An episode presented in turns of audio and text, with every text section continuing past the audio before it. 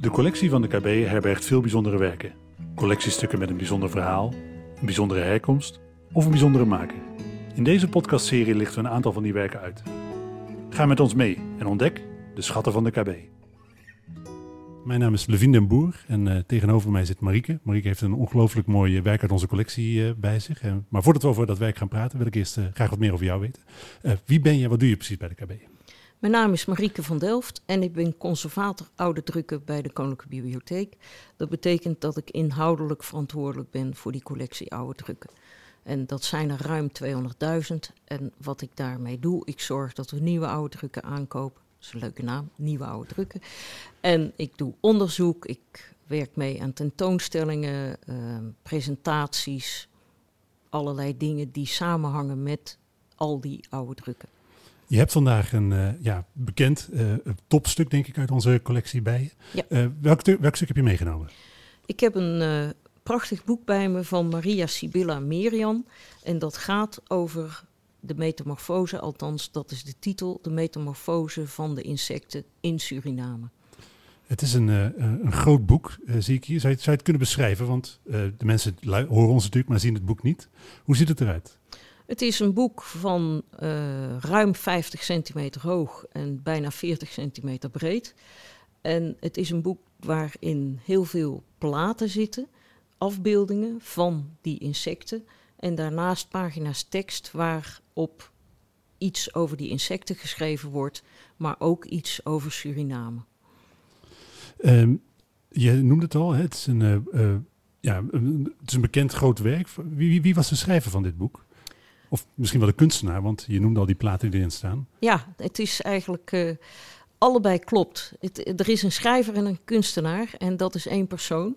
En dat is Maria Sibylla Merian. Zij was een uh, Duitse, ze is geboren in Duitsland, in Frankfurt am Main.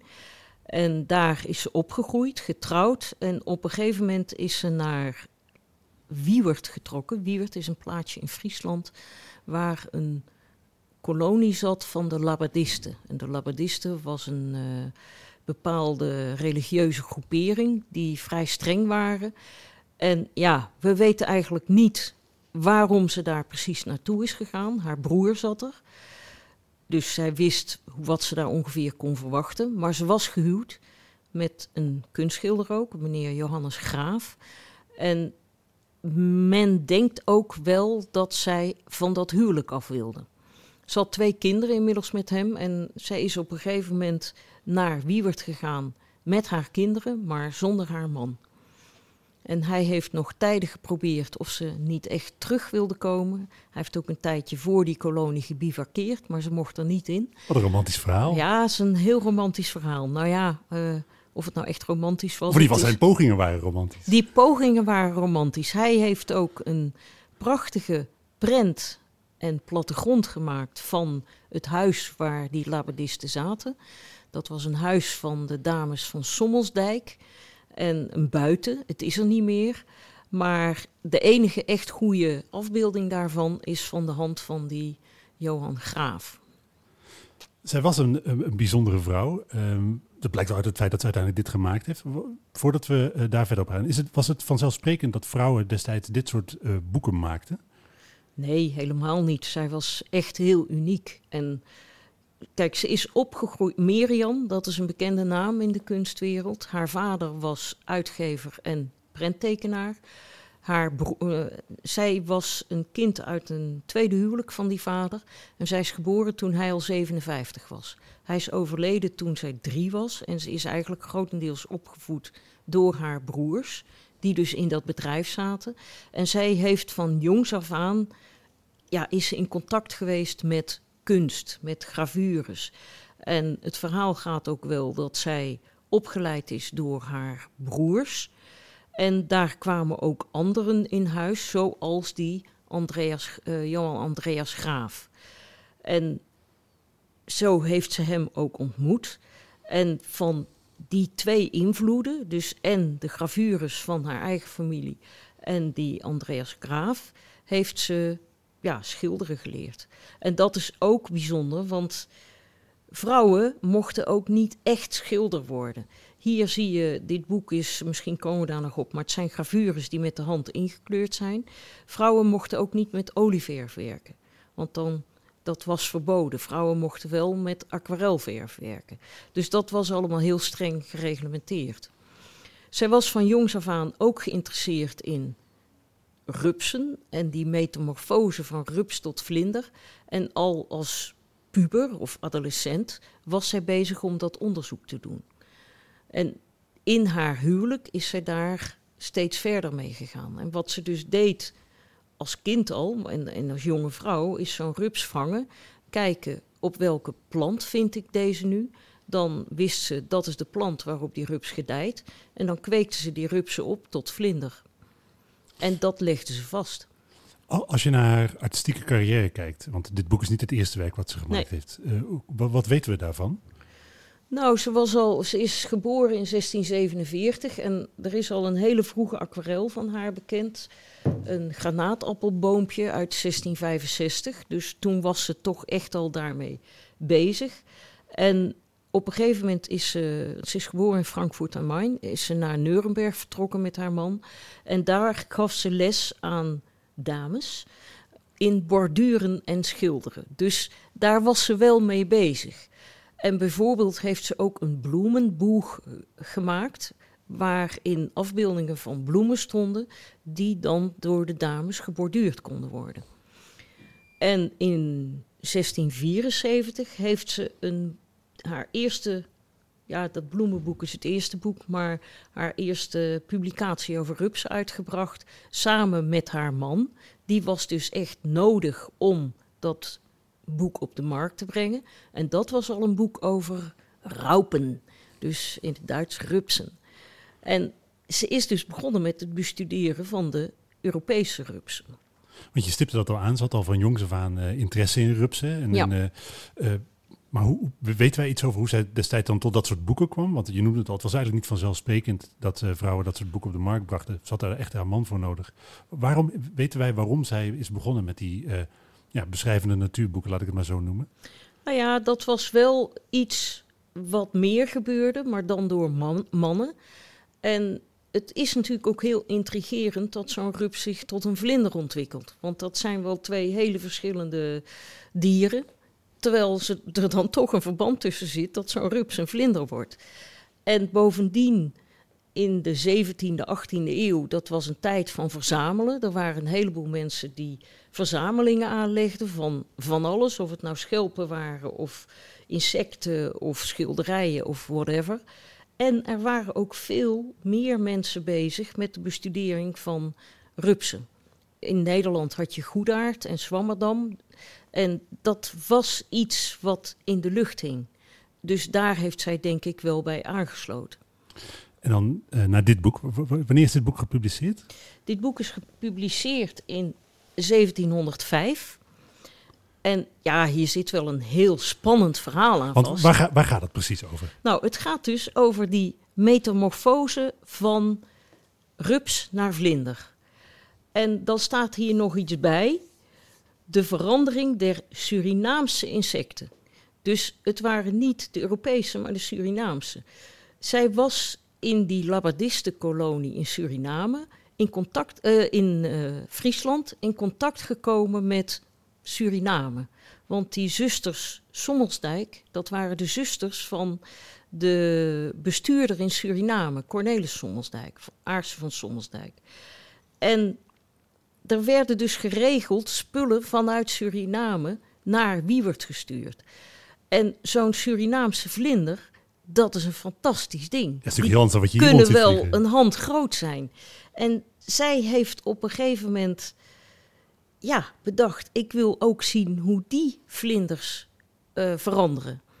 En ja, dat was natuurlijk wel een onderneming voor een vrouw. Ik heb net een klein stukje biografie verteld, maar daar hoort dan nog wat aan vast. Uiteindelijk is ze gescheiden van haar man, want voor de labadisten gold een huwelijk dat buiten de labbadistengemeenschap was gesloten, gold niet. Dus toen was ze af van die man.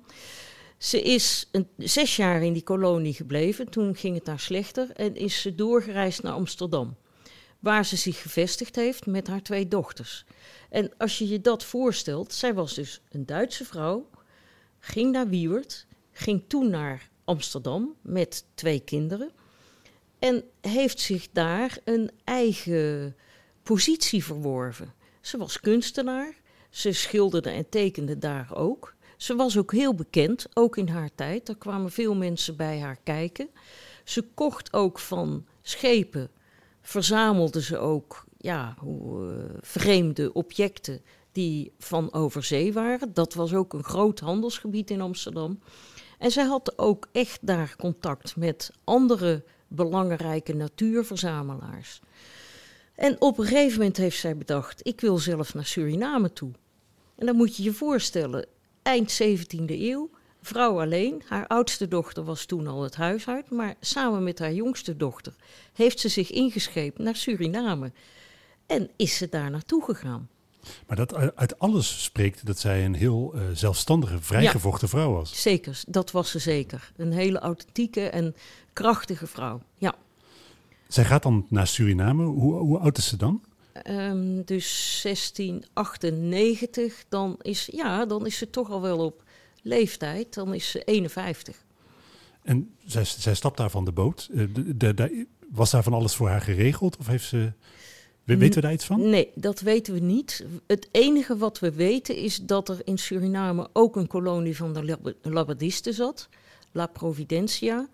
En die zat vrij ver het binnenland in. Dus zij is daar aangekomen in Paramaribo. Daar heeft ze een huisje gehuurd. En ze had natuurlijk wel contact met andere Europeanen daar.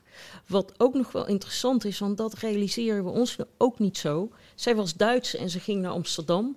Maar zij was duidelijk niet de enige Duitse in Amsterdam. Er woonden vrij veel Duitsers in Amsterdam en ook in Suriname. Er zaten toen iets van 3000 Europeanen in Suriname.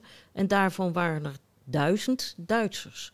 Dus ze kwam wel enigszins in een omgeving die ook voor haar bekend was. Want hè, zij, heeft lang in uh, Nederland gewoond. Is zij meer Duits of is zij meer Nederlands? Of is dat eigenlijk niet te zeggen? Nou, uh, allebei de landen willen haar graag ja, ja, claimen. maar zij schreef nog wel steeds in het Duits. Ik denk dat ze ook wel Nederlands sprak, maar ze schreef in het Duits. En um, wat ik ook heel opvallend vind, toen ik met haar bezig was, heb ik onderzoek gedaan of naar waar komt haar naam nou voor? En dan zie je dat er in Duitsland een heleboel Maria Sibylla Merian scholen zijn, maar in Nederland niet. En er was een prijs naar haar genoemd bij de KNHW voor, ik geloof, voor vooruitstrevend vrouwelijk onderzoek, uh, onderzoek door vrouwen. Die prijs is nu afgeschaft. Dus haar naam is, ja, in Nederland toch, die is wel bekend. Maar hij wordt niet zozeer gebruikt als kijk eens wat een belangrijke vrouw. Terwijl ik denk dat zij voor Nederland ook heel belangrijk is geweest. Zij was ook een soort uithangbord in Amsterdam. In welk opzicht? Nou, Um, zullen we eerst nog even de reis afmaken? want dan, kom ik daar. want, want we zijn dus op dit moment in Suriname. Zij stapt uh, van de boot af. Uh, ja, zij huurt daar een huisje. Er waren natuurlijk Europeanen. Daar zal ze ongetwijfeld contact mee gehad hebben. En zij is daar onderzoek gaan doen. Zij is daar wat ze altijd deed: rupsen gaan vangen. En uh, die is gaan kweken. En die metamorfose heeft ze vastgelegd. En dat is dus te zien in dit boek. Maar dit klinkt nu vrij statisch. Zij is ook door Suriname gaan reizen. Nou, reizen toen in Suriname zeker ging alleen maar via het water. En je had daar de Suriname-rivier, die is ze helemaal afgezakt naar die uh, kolonie Providentia. Maar ondertussen stapt ze ook uit bij andere plantages. En ja, daar werd ze dan wel vriendelijk ontvangen. Hoewel ze daar ook wel een beetje vreemd bekeken werd, omdat zij geïnteresseerd was in allerlei planten. Terwijl die planters die daar zaten, ja, die wilden gewoon suiker. En that's it. En wat moet je nou met andere planten? En zij wilde die hele natuur bekijken. Zij, het boek staat uh, vol met, met prachtige prenten. Uh, een van de dingen, denk ik, daarvan, maar daar kun je meer over vertellen, is denk ik dat dat zijn heel dynamische prenten. Ja. Um, hoe, hoe, maakt, maakt zij die onderweg of maakt zij die terug in haar gehuurde huis?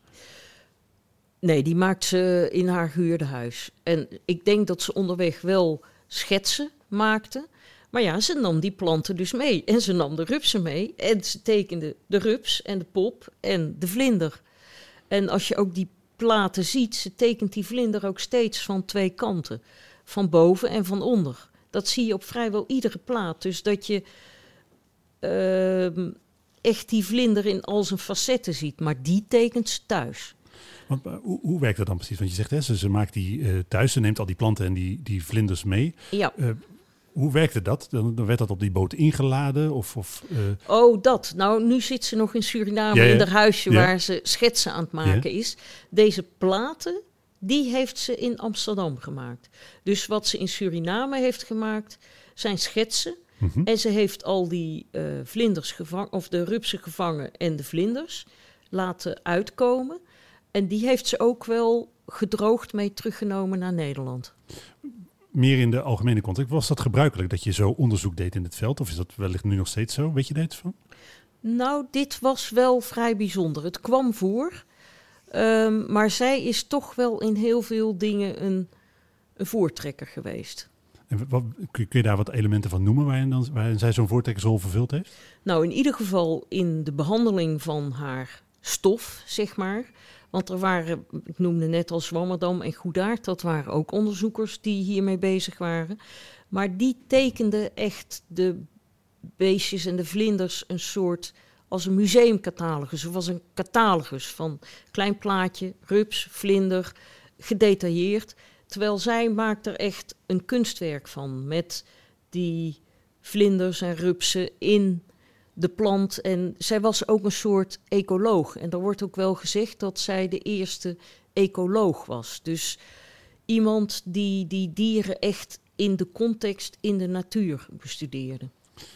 Je noemt al hè, de manier waarop zij die eh, eh, planten eh, ja, uiteindelijk tekent, schildert, schetst, is anders dan de andere mensen in die periode. Ja. Is daar een reden voor dat zij die aparte vorm koos? Is dat echt puur omdat zij zelf wat artistieker was? Ik, ja, zij was ook een kunstenaar. En dat is het boeiende. Zij is zowel kunstenaar als onderzoeker. En kijk, we hebben het over een vrouw eind 17e eeuw, 18e eeuw. Toen was het nog niet gebruikelijk dat vrouwen een goede opleiding kregen. Zij is niet naar de universiteit geweest, zij is grotendeels autodidact. En ze kwam, ze had die kunstzinnige achtergrond. En dat heeft denk ik meegespeeld dat zij een hele eigen weg is gegaan. Dat is een bijzonder element aan het, aan het boek. Dus, hè, dat, dat, dat ze dus die andere vorm kiest. Eh, dus misschien wel hè, meer of wel een echte combinatie van onderzoeker en eh, eh, kunstenaar is. Ja. Maar wat, wat maakt het werk nog meer bijzonder?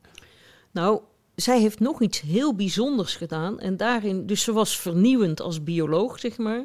Maar ook als kunstenaar. Dus de behandeling van haar objecten. Maar zij heeft ook een speciale techniek bedacht. En ik weet niet of dat in woord is uit te leggen, maar ik ga Ja, probeer het, proberen. Ehm, wat we hier zien zijn gravures. En gravures die worden gedrukt vanaf een koperplaat. Dus je hebt een koperplaat en daar kerf je in, daar kerf je de afbeelding in met een burijn. Als, dan heb je een koperplaat met lijntjes erin. Als je die af wil drukken, dan moet je de inkt in die lijntjes wrijven en dan de overtollige inkt weer eraf halen. Dan gaat zo'n plaat met nat papier onder een pers.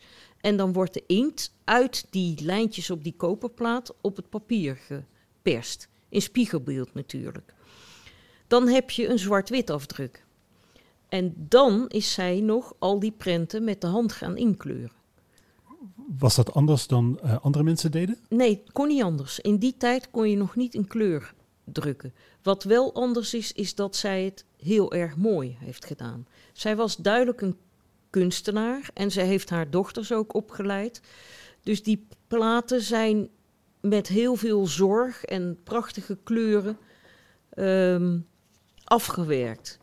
Maar wat zij ook deed, ja, dit is er een.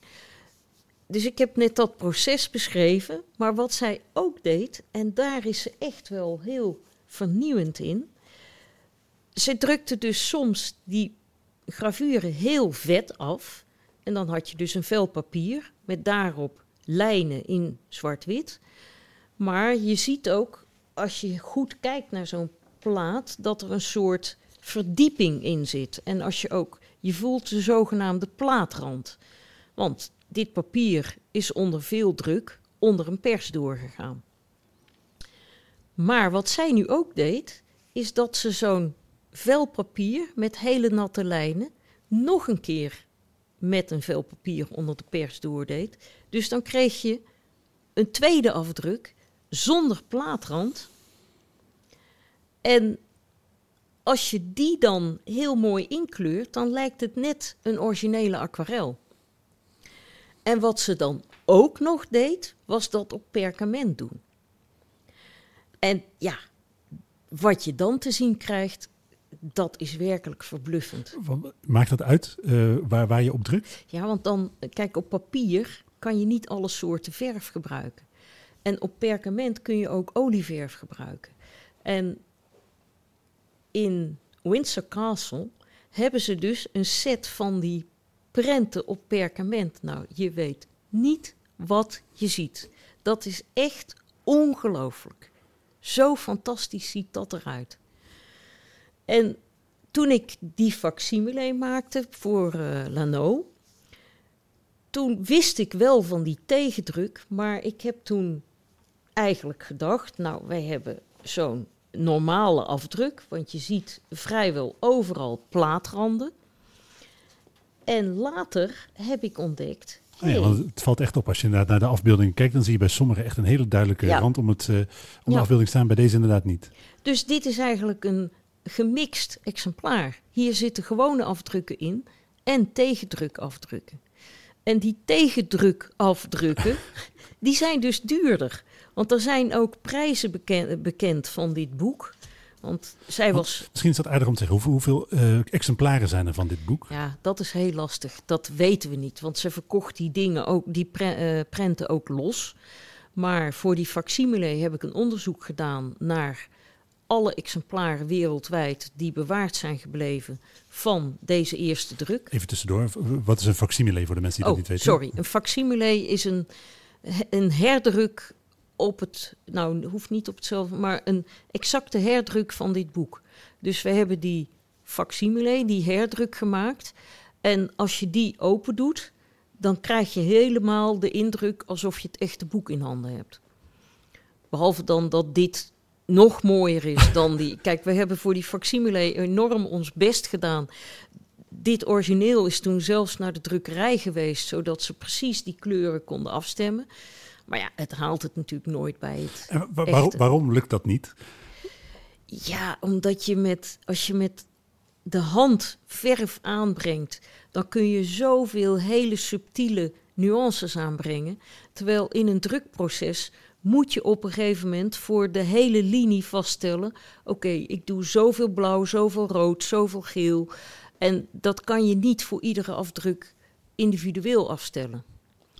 Dus die facsimile is fantastisch. En als je hem ziet, dan krijg je heel erg toch het gevoel van: hé, hey, ik heb dat echte boek in handen. Maar als je hem ernaast legt, dan zie je, ja, hier zit toch wel een verschil tussen. Ja. Maar wat ik dus niet wist, is dat we hier ook tegendrukafbeeldingen hebben. En daar moet ik het nog een keer op doornemen. Want ja, dat is ook wel heel bijzonder. En er is dus, zij was zo bekend toen ze eenmaal terug was in Amsterdam, dat er ook heel veel mensen bij haar op bezoek gingen. En zo was er een bekende reiziger, meneer von Oefenbach. En die ging ook bij haar kijken van, ja, wat heeft ze dan voor prenten? En die ging dingen kopen. En die heeft dus opgeschreven wat zo'n boek kostte. Nou, een zwart-wit exemplaar was 15 euro. Een ingekleurd exemplaar, zoals wij hier hebben, was 45 euro. En een tegendruk exemplaar was 75 euro. Dus, en als je dan weet dat een ik heb dat even opgezocht, een succesvol koopman aan het eind van de 17e eeuw. Die verdiende ongeveer, nou, rond de 2000 gulden. Oh, ik zeg euro's net. Ja. Het is natuurlijk 15 gulden, 45 gulden, 75. Maar een koopman die verdiende rond de, een succesvol koopman rond de 2000 gulden. Dat was zo'n 75 gulden voor een boek. Was natuurlijk een enorm bedrag. We, hebben- we- werden er dan toch veel, ja, wat je zegt, al, we hebben exacte verkoopcijfers weten we niet, Nee. maar we- werden er dan veel van dit soort eh, boeken verkocht? Ja, er zijn zeker. Want wat ik nu aan onderzoek heb gedaan, zijn er dus 67 in wereldwijd in collecties. Maar er waren natuurlijk heel veel adellijke families en zo die zo'n boek kochten. En zeker mensen die een relatie met Suriname hadden of zo. Die, ja, nee, ik denk dat er echt wel, eh, nou, 300, 400, zoiets verkocht zijn. Maar dat moet dan voor haar toch ook best een, eh, een, een redelijk inkomen zijn geweest? Of waren die dingen ook zo ongelooflijk duur om te maken? Nou ja, zij moest hiervan leven. Hè? Zij, dit was haar beroep. Dus zij moest leven van de verkoop van haar boeken. En dit was dan één boek, maar ze had ook nog dat Raupenboek. En eh, ze verkocht ook losse prenten, maar zij leefde van de opbrengst van haar werk. En ze had een huur, ze had een huis in de Kerkstraat. Dus ja, daar moest ze echt van, eh, van leven. En ze heeft dus dit boek waar we het nu over hebben, heeft ze gemaakt toen ze terugkwam uit Suriname. Ze is ook, dat is misschien ook nog wel iets om te vertellen, ze is daar hals over kop vertrokken, want ze werd op een gegeven moment ziek. Ze heeft daar eh, van 1699 tot 1701 was ze weer terug in Amsterdam. En toen we die facsimile maakten, is ook helemaal uitgezocht of alles klopt. Achter in de facsimile zit ook een lijst waarop precies staat: dit is dit, dit is dat, dit is dat, dit klopt wel, daar is iets mis. Eh, Want om daar verder te gaan, hoe, hoe correct eh, is de weergave van de werkelijkheid die zij schetst? nou, ze heeft een hele correcte weergave van de werkelijkheid, maar af en toe heeft ze een foutje gemaakt. En eh, de gedachte is, ze is zo hals over kop vertrokken uit Suriname. Ze heeft alles, want ze was doodziek. Ze heeft alles snel in moeten pakken. En toen is ze aan boord gegaan van een schip. En bij het vertrek is het niet helemaal goed gegaan, want dat schip is aan de grond gelopen. En toen moest alles weer eruit om het schip vlot te trekken. Dus men denkt dat er toen misschien wat dingen door de war zijn geraakt. Maar ehm, dat gezegd hebbende is het grootste deel van haar waarnemingen kloppen. En ze is ook nog steeds een belangrijk figuur in de biologie. Haar onderzoek wordt nog steeds bekeken door biologen. En er zijn wereldwijd nog steeds heel veel mensen met haar bezig. We hebben vorig jaar, nee, ja, in 2017 is de Maria Sibylla Merian Society opgericht. Toen hebben we een groot congres georganiseerd in Amsterdam, waar 300 mensen vanuit de hele wereld mee bezig, eh, aanwezig waren. En op grond daarvan zijn we nu weer een boek aan het maken over haar belang. En zowel voor kunst als voor wetenschap. Dat blijft ook. Het is zo'n mooi spanningsveld. En dat is natuurlijk sowieso nu bij biologie. Dat kunst en wetenschap ligt veel dichter bij elkaar dan we denken. Dat zijn allebei beroepen waarin je een creatieve geest moet hebben om tot nieuwe bevindingen te komen. Mooi. Eh, een van de dingen die ik graag met je nog zou willen bespreken, want eh, we hebben het nu voornamelijk natuurlijk over eh, de gravures die we zien, maar daarbij beschrijft ze ook wat, wat we op de platen zien. Ja, en daar beschrijft ze, zo liet je mij voordat we dit op gingen nemen zien, niet alleen wat je ziet, maar ook andere zaken. Ja, zij heeft zich ook echt verdiept in de Surinaamse cultuur. En ik zei net al dat ze door die planters een beetje vreemd bekeken werd.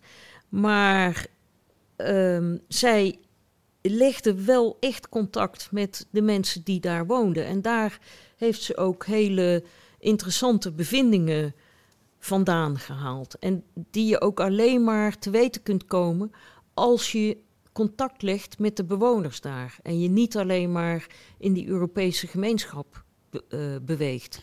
En dat vind ik heel bijzonder. Er is één eh, plaat, die moet ik dan even zoeken. Neem je tijd. Het is ook wel echt een heel lijvig boek. Het is niet zoiets waar je even eenvoudig doorheen bladert. eh. Nee, het is een, een flinke turf die je ook niet zomaar onder de arm meeneemt.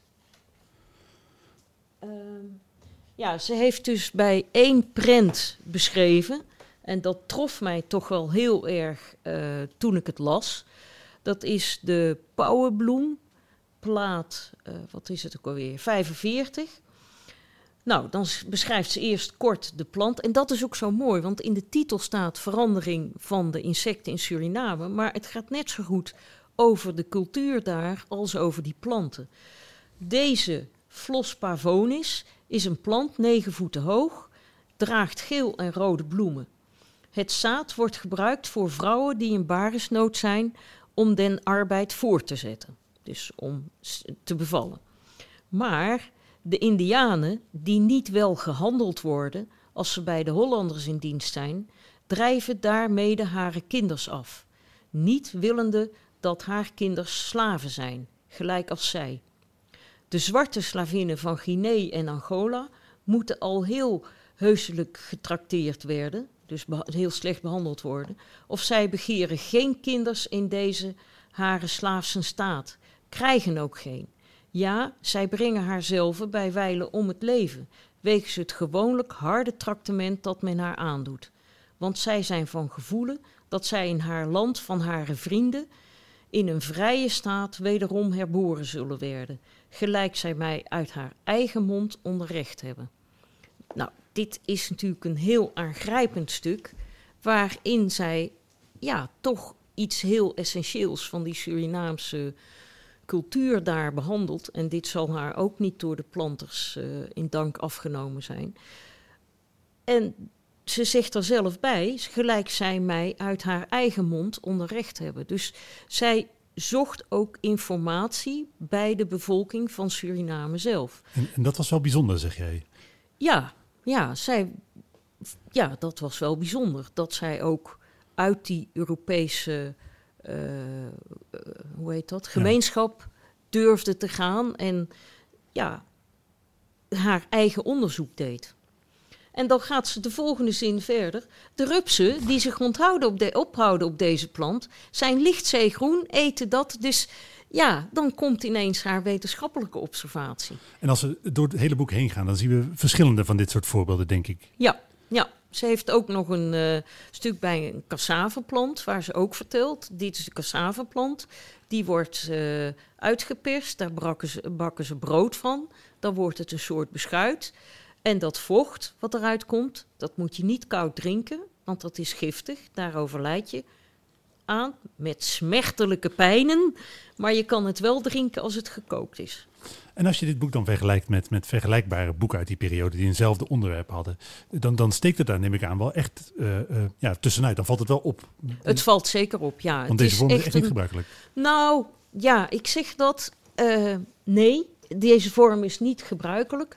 Maar wat je wel ziet bij dit soort natuurhistorische boeken, is dat er minder schroom was om er ook een persoonlijke noot in te brengen. Een ander boek waar ik mee bezig ben geweest, waar ik ook met Lano zo'n herdruk van gemaakt heb, is een boek van Nederlandse Vogelen van meneer Nozeman. En die schrijft ook wel wat hij zelf in de natuur gezien heeft aan de vogels. Dus wat hier wel bijzonder aan is, is dat zij die Surinaamse maatschappij ook meeneemt. En dat zij ook observeert wat daar gebeurt. Is het boek daarmee ook uh, uh, om die reden uh, een, een, belangwekkend stuk in onze collectie? Dat zeker, ja. ja. Het is zeker belangrijk ook als tijdsdocument. Ja, en wat natuurlijk ook belangrijk is, het is een, vrouw. Het is ongebruikelijk dat een vrouw dit toen deed. Het geeft ook een belangrijk inzicht in, nou, in de natuur, maar ook in die maatschappij daar. Dus ja, daarmee maakt het het wel een belangrijk boek. Als mensen uh, dit boek willen bekijken, uh, we hebben natuurlijk het, uh, het facsimile wat, wat, ze aan kunnen schaffen. Ja. maar kunnen ze ook dit stuk bij ons komen bekijken? Of hoe werkt dat precies? Nou, als je dit stuk wil bekijken, dan moet je lid worden van de Koninklijke Bibliotheek. En dan kun je het opvragen. Het, um, en je kunt dus de facsimile uh, bekijken. Maar het is dus niet zo uh, dat je het niet zou mogen inzien. Als je hier naar de KB toekomt, dan kun je hier op de leeszaal bijzondere collecties kun je dit boek zien. En krijgen ze jou er dan bij of geef je geen persoonlijk commentaar? Ehm, op verzoek kan ik best aan een groep een lezing geven. Dat kan wel, maar ik sta niet de hele dag op de leeszaal om mensen allerlei leuks over onze boeken te vertellen. Maar dat kan dus wel. Zijn wij nog iets vergeten? Zijn er dingen die je nog echt kwijt wil? Nou, wat ik nog wel heel bijzonder vind aan dit boek, is dat het mij de hele wereld overgebracht heeft. Want toen we die facsimile gemaakt hadden, ben ik uitgenodigd om een lezing in Berlijn te geven. Er is ook een Duitse vertaling van die facsimile gemaakt, waar wel de Nederlandse teksten in staan, maar met een Duitse vertaling van de tekst en ook een Duitse vertaling van de inhoud. Toen heb ik daar een Russische dame ontmoet. Die heeft me uitgenodigd naar Sint-Petersburg, waar ik een lezing gegeven heb. Want dat hebben we nog even niet behandeld, maar een afgezant van Tsaar Peter de Grote is bij Merian geweest. Nou, Tsaar Peter de Grote was erg onder de indruk van de Nederlandse wetenschap. En haar studienboek is dus opgekocht door die afgezant en ligt nu in Sint-Petersburg. Nou, en dat was een kick. Toen ik in Sint-Petersburg was, heb ik dus een lezing mogen geven in de Kunstkamera. En vervolgens ook dat studienboek mogen zien. En daar heb ik ook allerlei verschillende facsimiles kunnen zien. Dus dat was een kick. En vervolgens ben ik nog uitgenodigd in New York om een lezing te geven. Nou, wat krijg je nou als conservator dat zo'n boek ja, je zo de wereld overbrengt? Goed, dat is dan persoonlijk voor mij.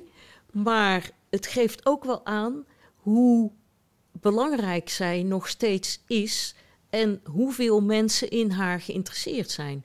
Want zowel in New York als in Sint-Petersburg zaten een heleboel mensen die daar ingetekend hadden voor die lezing. Dus zij is een Duitse vrouw, ook een beetje een Nederlandse vrouw, maar ze is voor de hele wereld uh, van belang. Tof. Heel tof. Uh, ja, ik wil het afsluiten. Ik wil je ontzettend bedanken voor uh, je tijd. Uh, ontzettend danken voor je uitleg.